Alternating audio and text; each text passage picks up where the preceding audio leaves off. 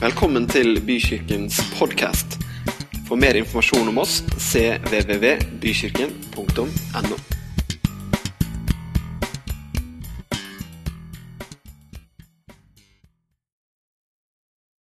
Forrige søndag, Hvor mange var her forrige søndag? Det er bra. Eh, Forrige søndag så snakka Magnar Karlsen om eh, individualiteten som preger eh, vårt samfunn. Han dro opp en eh, hel mengde veldig interessante spørsmål som dreier seg litt om hvordan verden er i dag. Kanskje litt annerledes enn hvordan tanken er om kirke og menighet. Og Nå har ikke vi akkurat avtalt at dette er del to, så det er ikke del to. det her. Men eh, det matcha med en del tanker jeg har hatt, og jeg har lyst til å dele noen av de tankene med dere i dag. Og aller først har jeg bare lyst til at vi skal be kort sammen. Nå har vi vært på skjermoppløsninger og dårlige spøker mellom Mac og PC og alt, nå trenger vi å bare takke Herren for at eh, du er over alle ting. Og vi takker deg for at ditt ord det er levende, uavhengig av omstendigheter. Og jeg har en bønn i dag, Herre.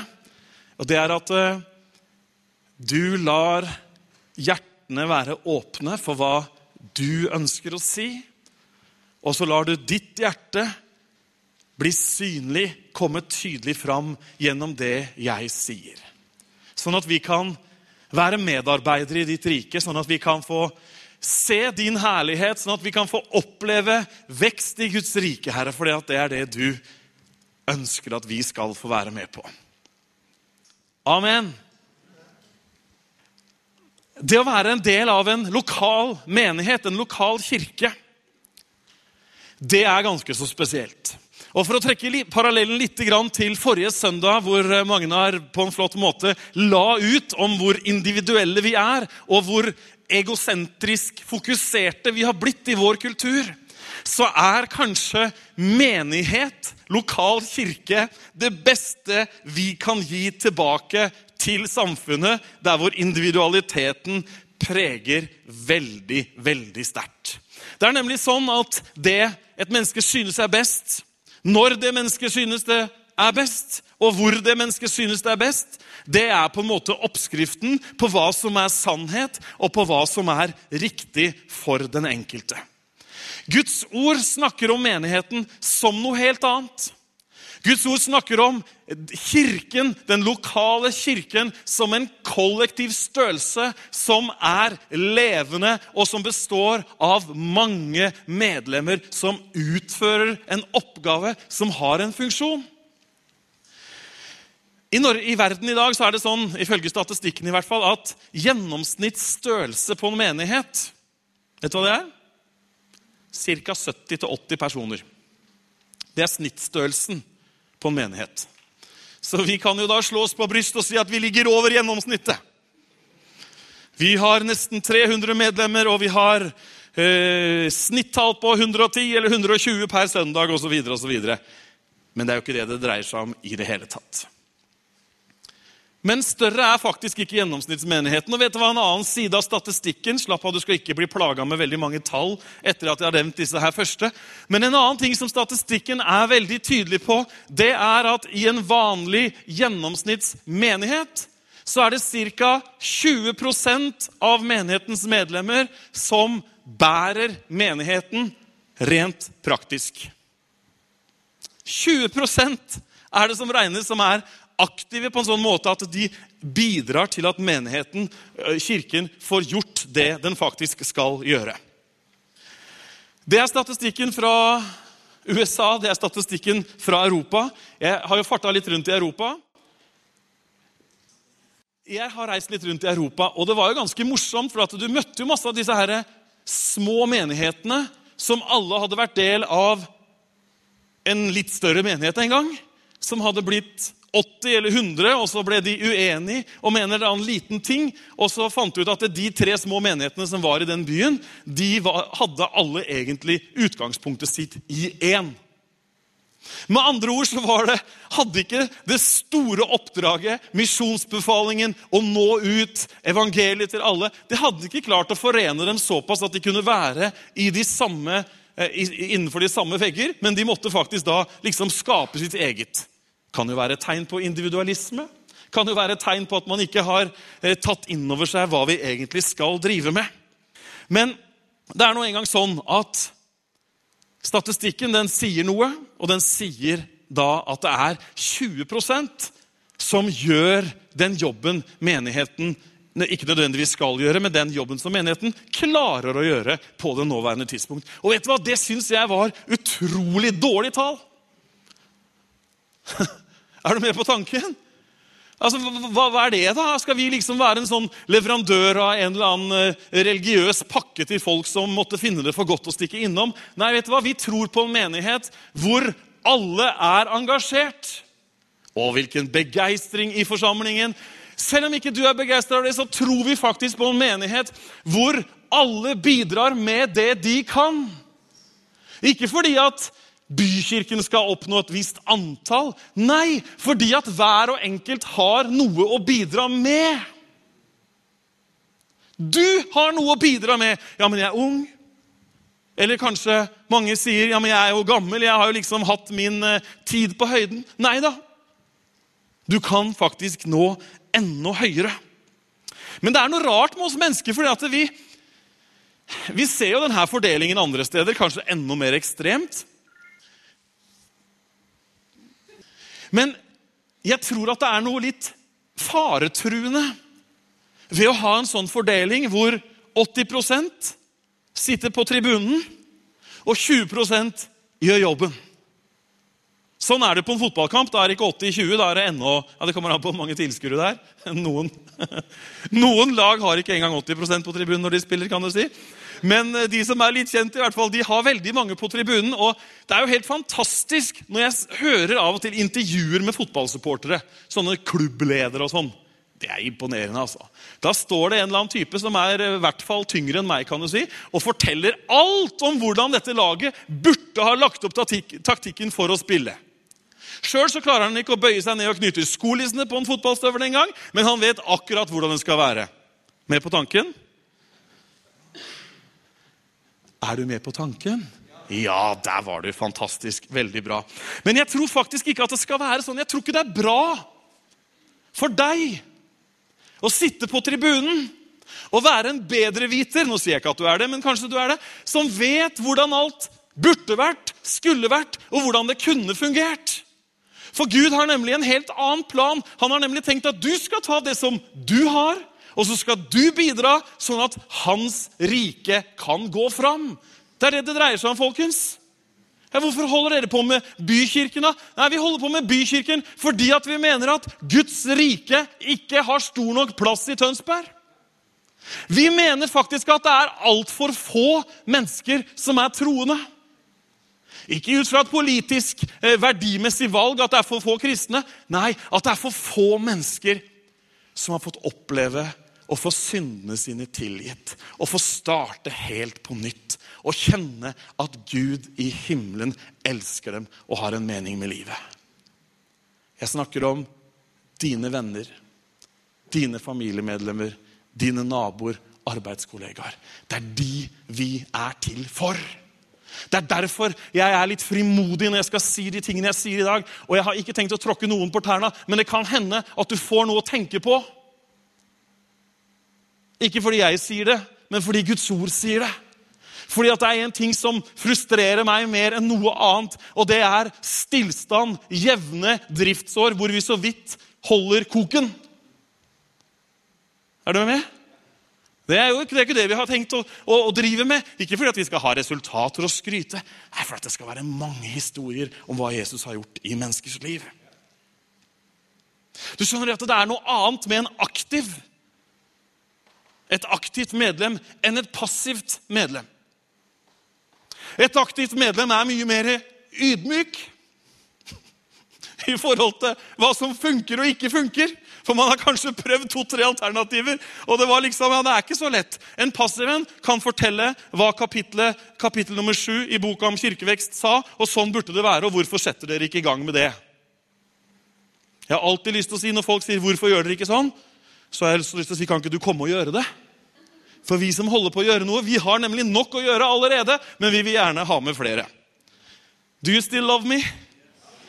Åh, Det var så mange sånne stive blikk her nå. Kjære Gud. Jeg må se oppover i dag, kjenner jeg. Står det ikke det i Skriften? Se ikke på ansiktene deres. Her er en eller annen setting hvor jeg har det fra. Jeg vet ikke, jeg spørre Magnar om det står et eller annet sted. Det tror jeg. Men du skjønner at det er, jo, det, er jo, det er jo dette som er grunnen til at vi holder på. Det er derfor vi har satt i gang med life-grupper. Det er derfor vi snakker med folk. Nå driver vi og motiverer noen, og nå hadde vi et møte med noen andre. Og nå prøver vi å få til flere life-grupper, fordi at flere mennesker skal få oppleve Gud. Det er derfor vi holder på jobbe med team i menigheten. Ikke fordi team er kult og team er ordet vi skal bruke. Nei, team handler om folk som gjør det de er ment å gjøre, og som funker, og det gir resultater. Og der inviterer vi alle 80% som ikke er med fra før av, og de som er med, de spør om de kan ta en runde til. Og det har veldig mange sagt. La meg lese et eh, skriftsted for deg i Salmene. Og dette skriftstedet, det, eh, det skal jeg eh, berike med egenopplevde ting. Finner ikke salmen engang. Der var de.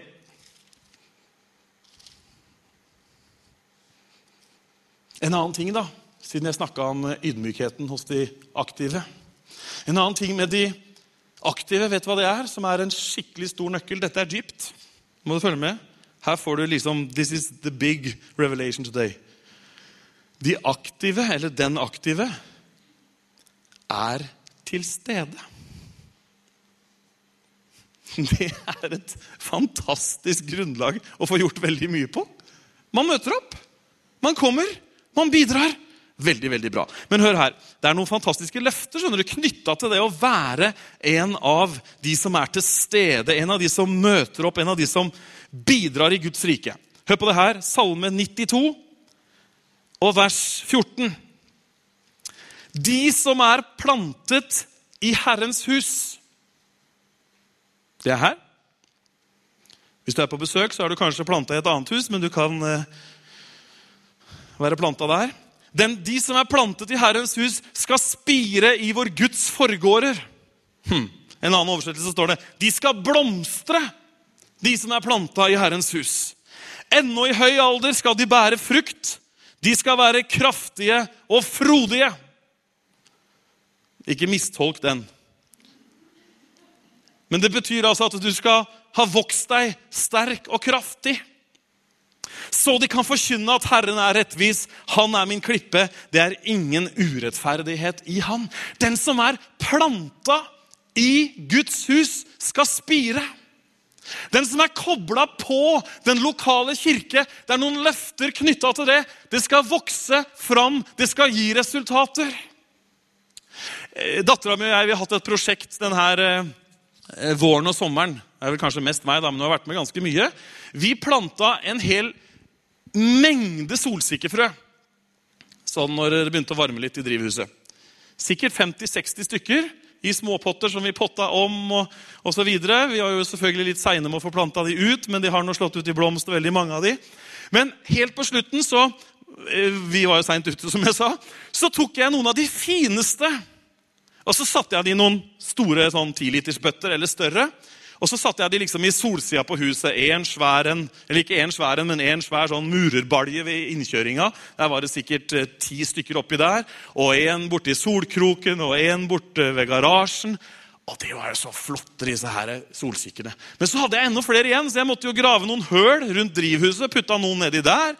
Så satte jeg ti stykker nede ved gjerdet og liksom Ok. Du ser for deg hvordan det ser ut hjemme hos meg nå? Kjære mann. Liksom, man in the jungle. Nei, det er sånn. Men vet du hva som skjedde? Eller vet du hva som har skjedd? For vi er nemlig midt oppi dette solsikkedramaet akkurat nå. De som jeg putta oppi de her murerbaljene og tilitersbøttene osv. Jeg har jo hatt mitt svare strev med å gi dem vann nok. Jeg, har jeg blei faktisk litt lei av de solsikkene, for hver dag jeg kom hjem, så var de slakke. De drakk jo mer enn de bøttene kunne romme. Og nå faktisk så er det sånn at de flotteste som jeg satte litt sånn fram, som skulle synes, som da sto i disse her baljene, nå ligger de på tilhengeren klar til kompostering. Men så var det noen andre som jeg bare gravde et bitte lite høl og putta nedi og tenkte ja, ja, vi får se åssen dette går. De står ennå. Og den ene den har blitt sånn der omtrent. Og jeg har fulgt med litt ekstra, for været har jo, Vestfold har jo vist deg fra en eller annen sånn vestlandsside innimellom nå. Det har blåst eh, hardt, og det har regna, og det har vært eh, litt harde runder, kan du si. I hvert fall for oss som bor langs kysten. Og jeg måtte sjekke i dag igjen. Han står der ennå. Og blomstrer. Alle bladene er der. Fargene er like knall. Det er ikke, en, e, det er ikke et eneste av kronbladene som er krølla engang. Den er planta skikkelig nede i grunnen. Røttene har gjort at den her sitter fast. Og vet du hva? Den står! Den er ikke en potteplante som må få til... Det, morsomme er jeg har jo ikke vanna den en eneste gang. Jeg har jo båret hundrevis av liter til de andre, men den har ikke vanna en eneste gang. Hvorfor? Jo, fordi han er planta i Herrens hus. Hvis du er planta i Herrens hus, da blir du stående. Da bærer du frukt. Hvis du er en potteplante som blir flytta rundt, så kan det hende at noen glemmer å vanne deg. Du er med på det, det dype bildet? Ja, fint. De som er plantet i Herrens hus, skal spire i Guds forgårder. Ennå i høy alder skal de bære frukt. De skal være kraftige og frodige, så de kan forkynne at Herren er rettvis. Han er min klippe, og det er ingen urettferdighet i Han. Å, hvor fantastisk det er å være planta i Guds hus! Jeg tror alle mennesker ønsker å få bli sterke og bli stående. Jeg tror alle, hvis du spør dem ærlig, har et ønske om faktisk å bevare troen sin. Ikke bare bevare den som et vagt minne, men bevare en tro som vokser, som utvikler seg til tjeneste for den levende Gud. Det tror jeg faktisk at alle som sitter her, egentlig har lyst til. Da må du være planta i Guds hus. Yes. Hm. Det er nemlig med oss sånn som det er med de solsikkene. Det er når du blir planta et sted, at du kan bli stående og bære frukt. Å være en troende, og så liksom adskille deg sjøl eller definere deg bort fra menighet, fra kirke i en eller annen form, det er et stort paradoks. Det er så mange skriftsteder som sier noe om hvordan vi skal se på noen av de, hvordan du og jeg sammen med de andre utfører tjeneste for Gud. Og det er også Kirkehistorien og, og manges troshistorie også er full av eksempler på folk som har gått fullstendig solo. De har enten de har fjerna seg av uenighet, eller de har syntes at de er øh, håper å si, verdig en høyere sfære. Jeg vet ikke hvilke årsaker folk kan ha, eller jeg vet jo noen av dem, men vi skal ikke ta alle nå. Men vet du hva?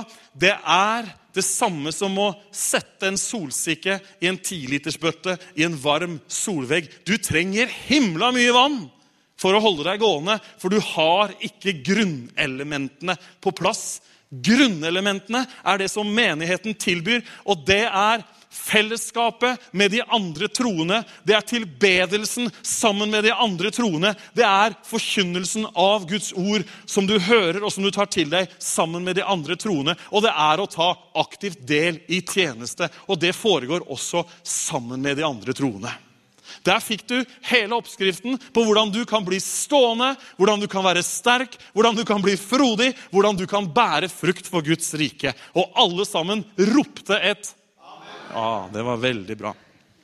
Nei da, det var bare en morsom. Trenger ikke rope amen for min del, men du kan i hvert fall høre på hva jeg sier. Du skjønner at eh, Jeg tror virkelig av hele mitt hjerte at alle skal få være med. Og Kanskje Arbeiderpartiet har skjønt det bedre enn oss. jeg vet ikke. Men de har i hvert fall et sånt slagord om at alle skal med. Vet du hva? Jeg tror at det er mer sant i den kristne troens navn enn det er i sosialdemokratiets navn. At alle faktisk skal være med. Ja, men du skjønner Det med Tove, det er ikke så lett å være med fordi det har skjedd noe, nemlig. Jeg ble såra en gang. Jeg ble oversett. Jeg ble dårlig behandla. Og vet du hva? sånne historier fins det mengder av. Og jeg er helt sikker på at noen av de er representert her også. Og jeg har ikke tenkt å servere en eller annen lettvint quick fix. Eller en eller annen 'Ja, ja, sånn har det vært, men sånn er det ikke nå. Nå må du ta deg sammen.' Det jeg har lyst til å si, er at her, nå, i dag Det er starten på resten av ditt liv. Og du kan velge hvordan resten av ditt liv skal bli. Og jeg vil gjerne være med å be for deg. At de tingene som oppleves som vonde i fortiden, de overtrampene du har vært utsatt for, hva det enn måtte være Jeg vil gjerne be sammen med deg at det der skal fjernes på en sånn måte at du klarer å ta det valget, og klarer å begynne å gå, og klarer å begynne å gjøre det som Gud har kalt deg til. Vi ber sammen med en gang. Kjære Gud, du som kjenner alle og alle ting. Takk at vi kan få legge livene våre i dine hender. Takk at vi kan få gå framover, Herre. Og så takker jeg for at du leger de sårene, Herre. Du gir oss et nytt perspektiv, sånn at vi kan gå videre fra denne dagen av. Amen.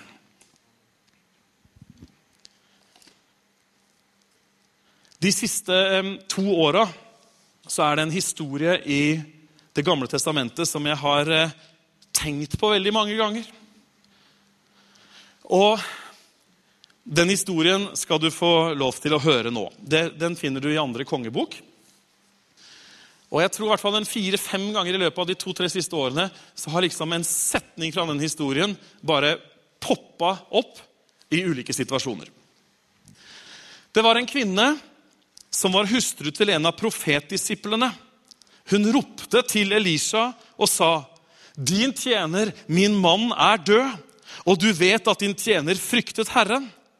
'Nå kommer pengeutlåneren for å ta mine to sønner som sine slaver.' Da sa Elisha til henne, 'Hva skal jeg gjøre for deg?' 'Si meg, hva har du i huset?' Hun sa, 'Din tjenerinne har ikke annet enn en krukke med, olje i huset.' Da sa han, altså profeten, Gå og lån kar fra hele nabolaget, fra alle naboene dine. Tomme kar, du må bare ikke samle for få. Når du har kommet inn, skal du stenge døren etter deg og dine sønner. Så skal du helle den i alle disse karene, og sett de fulle karene til side etter hvert. Så gikk hun fra han og stengte døren etter seg og sine sønner, de som hentet karene til henne, og hun helte den opp. Da karene var fylt, skjedde det at hun sa til sin sønn, 'Gi meg enda et kar.' Han svarte henne, 'Det er ikke flere kar.' Da stanset oljen å renne. Så kom hun og fortalte dette til denne Guds mann. Han sa, 'Gå og selg oljen og betal gjelden din.'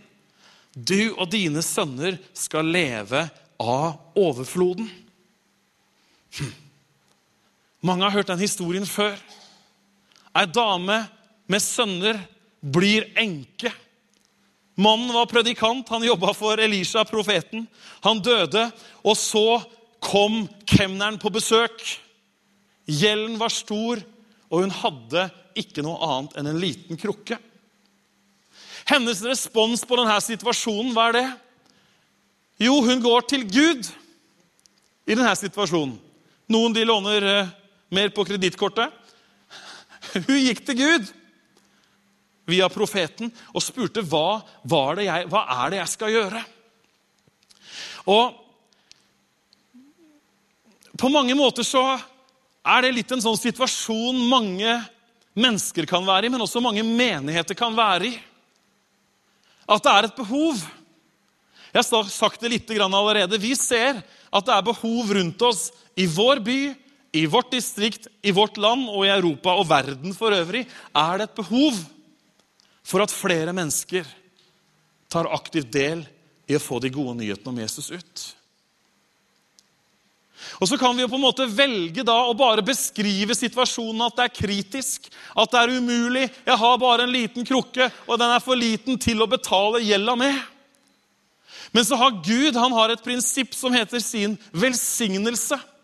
Gud han bruker det som stiller seg disponibel for han. Det bruker han. Og denne settingen må jo ha vært helt absurd. altså. Der løp gutta nabolaget rundt. ikke sant?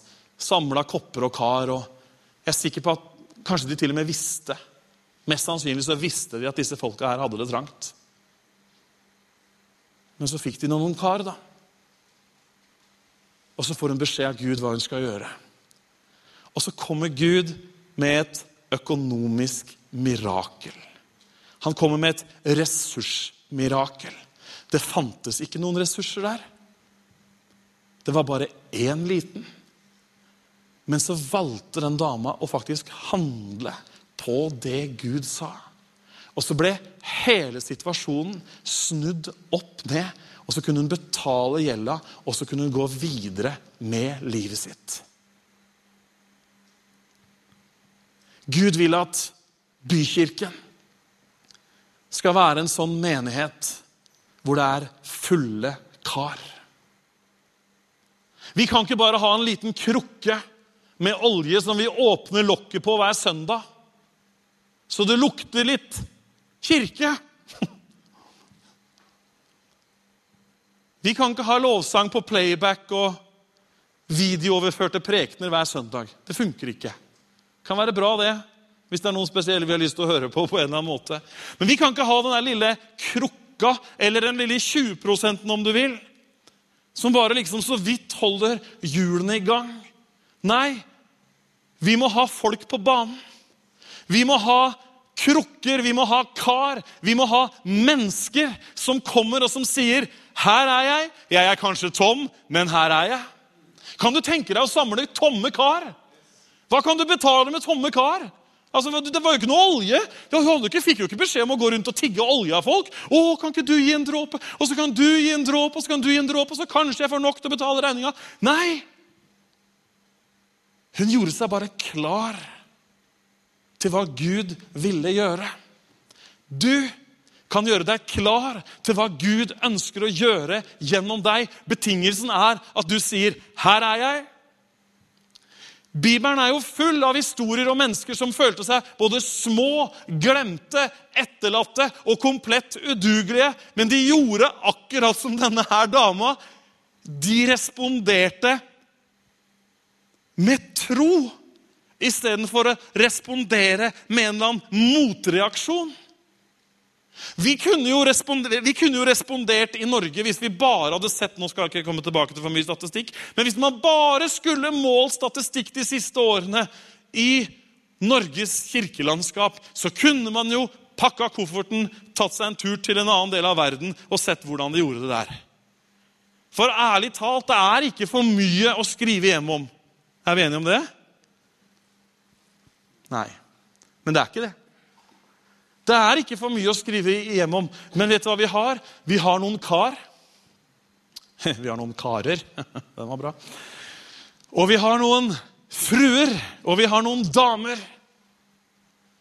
som alle har fått noe for at menigheten, for at kirken, skal være Kristi kropp. Levende, fungerende, som berører andre mennesker. For det er det en levende kirke gjør. En levende kirke defineres ikke ut fra antall, ikke ut fra inntekt, ikke ut fra eh, demografien i forsamlingen. En levende kirke defineres ut fra hvorvidt den berører andre mennesker eller ikke. Det kan være høy lyd, lav lyd, ingen lyd, spiller ingen rolle. Det er ikke der livet defineres. En levende kirke berører andre menneskers liv. Og Bykirken, vi skal være en levende kirke. Må Gud hjelpe oss sånn at vi kan miste oversikten over hva de heter, alle de som kommer? Helt fint. Begynne med navneskilt. Helt, helt greit for meg. Håper det er greit for deg òg. Det er dit vi skal. Det er dit vi skal. være en levende kirke som berører andre menneskers liv. Det er så lett for oss å miste av syne hva som egentlig er viktig. For det er så mange ting som prøver å fortelle oss i livet vårt hva som er viktig, hva vi må fokusere på, hva vi må prioritere. Og så mister vi det faktisk av syne. Jeg skal lese et par skriftsteder til til deg, og det er i Efeserbrevet.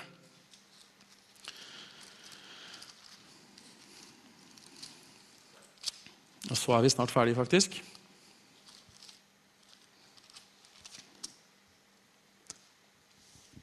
I Efeserbrevet kapittel 4 så står det at Jesus gjorde noe, og det står i vers 11 Og han ga noen til å være apostler, noen til profeter, noen til evangelister noen til hyrder og lærere. Hvorfor gjorde han det? Jo, det står i neste vers. For at de hellige Enten du føler det sånn eller ikke. Hvis du har tatt imot Jesus, så er du faktisk i den kategorien der. For at de hellige skulle bli utrustet til tjenestens arbeid. Til oppbyggelse av Kristi legeme. Hm. Menigheten er til for å nå de der ute, og så er menigheten til for at du som er en troende, skal bli kursa, drilla, trent, undervist, utrusta til tjeneste, sånn at menigheten kan vokse. Det er det vi holder på med. Det er det du kan være en del av. Og hør hva som står i vers 16. Det er fortsatt han, da, Jesus. Ut fra ham blir hele legemet sammenføyd og holdt sammen. Hør på det. Dette er bibelundervisning som er bra, altså. Ut fra ham blir hele legemet, altså hele kroppen, sammenføyd og holdt sammen ved hva da? Den oppgaven som ethvert ledd har. Nå har vi funnet svaret, dere. Er ikke det godt vi har funnet svaret? Hvordan skal vi få enhet og samhold og retning i menigheten? Jo, det skjer noe når ethvert medlem utfører sin oppgave. Eller sagt på en annen måte det skjer når ethvert medlem er aktivt deltakende. For å gjøre det enda mer konkret så skjer det når ethvert medlem er med i et team som utfører en av bykirkens oppgaver. For å være enda mer konkret Er det greit å være litt konkret i dag? Eller skal jeg gå mer over på eh, kananspråk? Nei, vi tar det konkret. Det skjer når ethvert medlem blir med i et lite fellesskap der man deler tro og liv til felles oppbyggelse. Yes! Det var ikke sånn 'jeg tror deg'. Det var sånn 'yes'. Det er kanskje sånn dette. Yes! Må øve på den. Oi, oi, oi. Det er deilig når, deilig når Guds ord liksom sier det litt sånn rett ut blir legemet sammenføyd og holdt sammen ved den oppgaven som ethvert ledd har. Hm. Vet du hva det videre? Etter virkningen av den styrke som er gitt hver del. Dette skaper vekst for hele legemet til sin egen oppbyggelse i kjærlighet.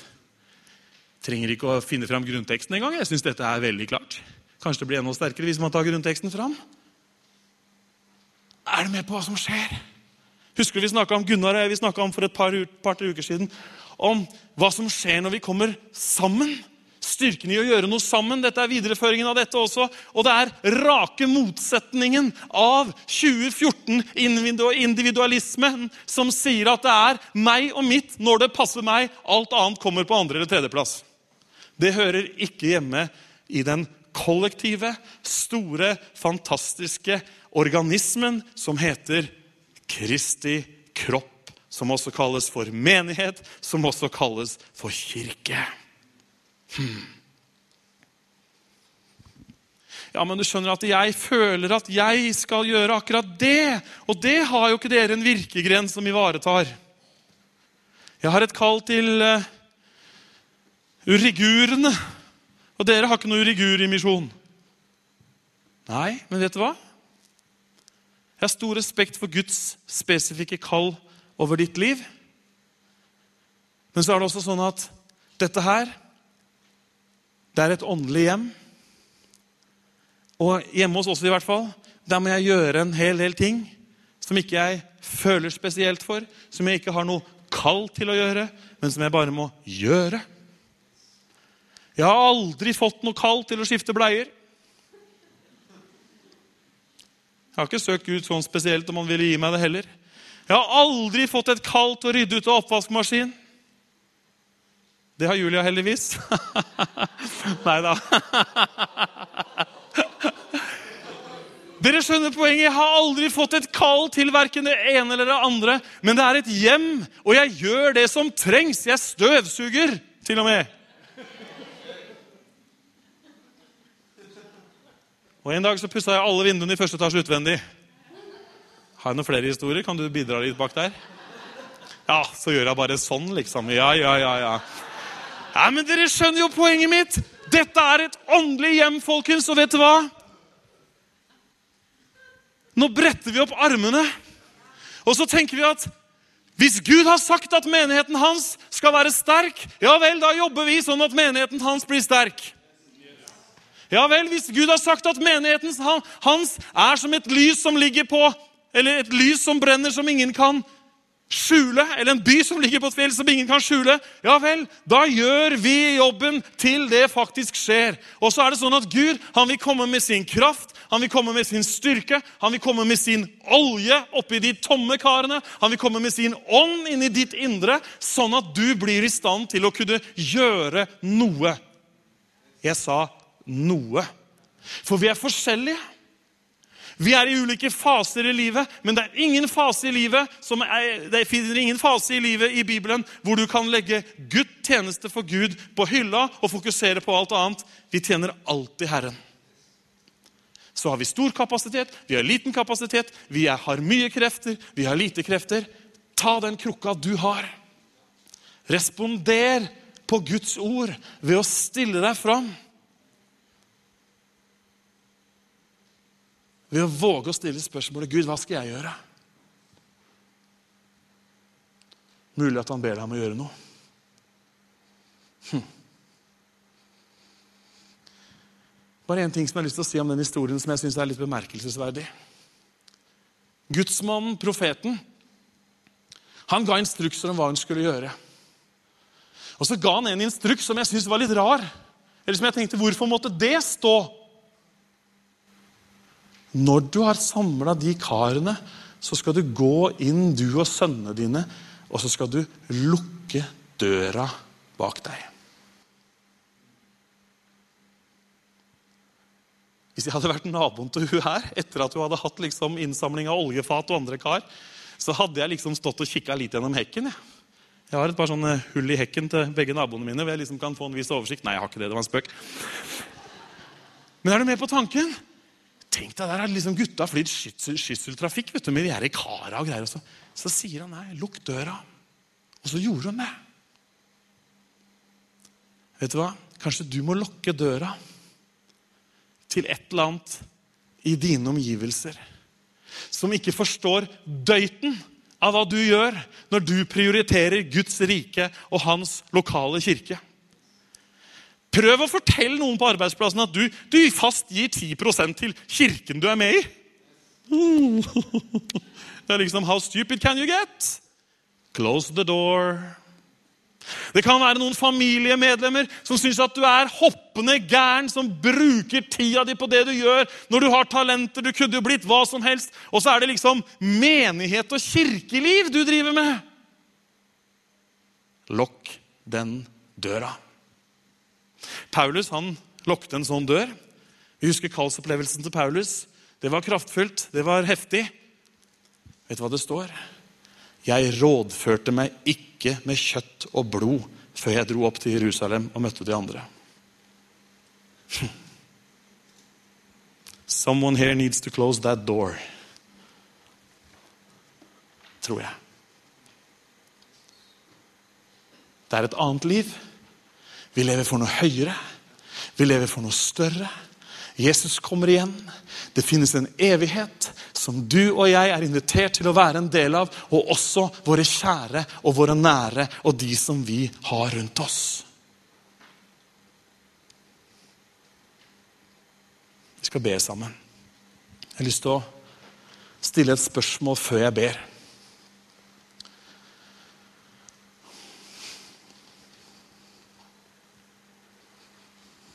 Hva har du i deg, i ditt liv,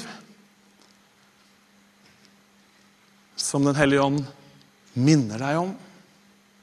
Kanskje har gjort det flere ganger mens vi har snakka i dag. Kanskje det er en ting du skal gjøre, noe du skal være for noen. Bestem deg for å gå fra 80 %-andelen over i 20 %-andelen, som da ikke lenger er 20 Få en mening med denne tilværelsen. Det dreier det seg også om i stor grad. Her har jeg lyst til å takke deg for den fantastiske gjengen mennesker som sitter her. Og Jesus, vi tror at du har kalt oss til å være de vi er akkurat nå, i 2014. For at vi skal få oppleve det miraklet som din kirke er. Jeg tror ikke at du har ført oss sammen som en sånn tilfeldig gruppe mennesker som deler et sett av interesser. Men vi tror, Gud, at hver eneste en er født inn i tiden av deg fordi at du hadde en mening med det. Takk at vi kan få koble oss på den meningen, Herre. Og Herre, takk at vi kan la røttene våre virkelig gå dypt i ditt hus. Sånn at vi blir stående gjennom alle ting. Takk for det, Herre. Takk at du er så fantastisk. Takk at du er så god. Takk at når vi smaker og merker din kjærlighet, så fører det oss til omvendelse. Fører oss til å ta beslutninger og bestemmelser. Sånn at du kan ha din vei, sånn at ditt rike kan gå fram. Jeg takker deg, Jesus, for hver eneste en som er her, Herre. Om de er 67 eller 17. Det spiller ingen rolle. Du vil fylle de.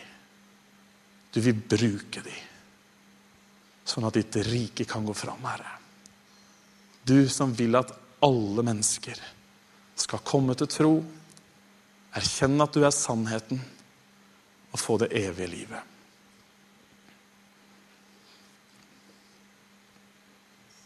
Kanskje, kanskje du sitter her og hører, og så tenker du at jeg er en av de som faktisk ikke har blitt berørt. Jeg er en av de som har hørt om kirke og menighet, men jeg har aldri tatt imot Jesus. Jeg har aldri invitert han inn i livet mitt. Hvis du er her, så skal vi be sammen. Og hvis du kan bare gi meg en, et signal med hånda di, så skal vi ta deg med når vi ber som ønsker å ta imot Jesus i dag. Få syndene dine tilgitt. Få det evige livet i gave. Skal vi be for deg nå? Kanskje ikke det er noen heller. Jeg kjenner ikke alle som er her. Men Herre, vi ber om at denne kirken skal være en kirke. En forsamling av troende som er levende, på en måte at den berører andre menneskers liv. I Jesu navn. Jeg tror vi skal reise oss opp, alle sammen. Så tar vi noen få minutter hvor vi bare henvender oss til Gud. Lovsynger Han, snakker litt med Han. Og hvis du har behov for å snakke med noen